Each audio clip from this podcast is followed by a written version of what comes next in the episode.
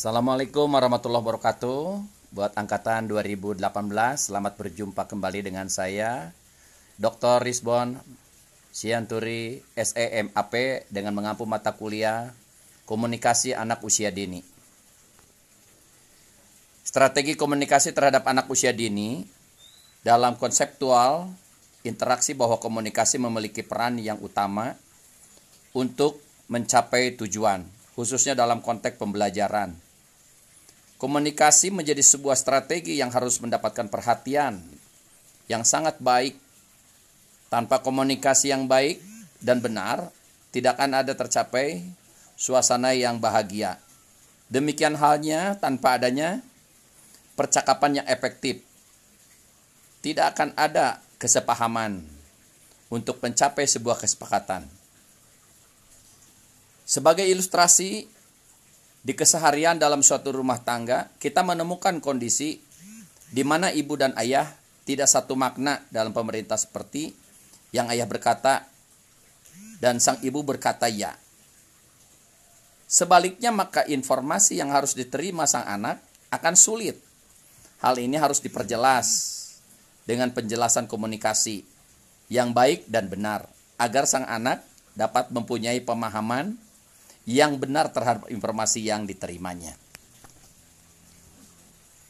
Sebagaimana kita ketahui bahwa sesungguhnya pendidikan yang utama dan pertama bagi anak usia dini berada di rumah bersama orang tua, ayah, ibu, dan keluarga. Indikator satu adalah Orang tua merupakan orang yang paling bertanggung jawab terhadap pengembangan anak-anaknya. Yang kedua, orang tua merupakan orang yang pertama berinteraksi dengan anak-anaknya sebelum mereka berinteraksi dengan orang lain. Yang ketiga, lingkungan keluarga merupakan lingkungan terdekat yang sangat berpengaruh terhadap kepribadian anak.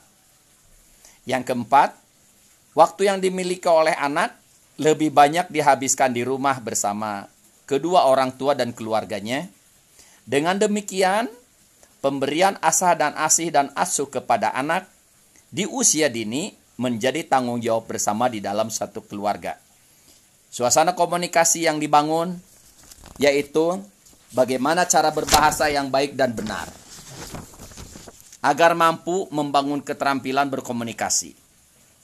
Keterampilan menyampaikan pendapat, gagasan, dan pandangan dalam menyikapi suatu persoalan yang dihadapi dalam kehidupan, keterampilan seperti itu tentu sangat dibutuhkan dalam proses tumbuh kembangnya anak di dalam suatu rumah tangga.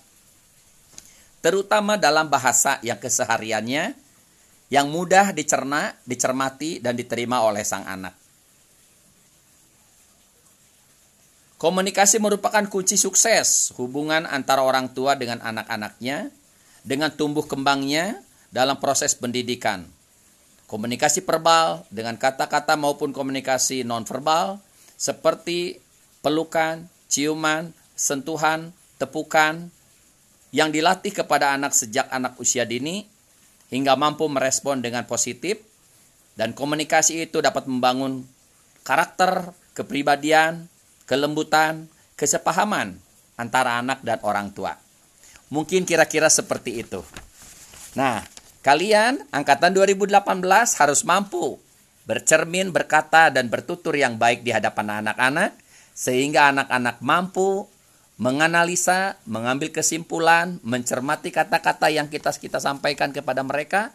Mereka paham benar bahwa kita itu sangat baik dan sayang terhadap mereka. Dan kita dituntut untuk benar-benar berbaik hati, berlembut hati, selalu bertemu ceria kepada anak. Sekalipun anak itu memang kesehariannya kurang sepaham dengan kita.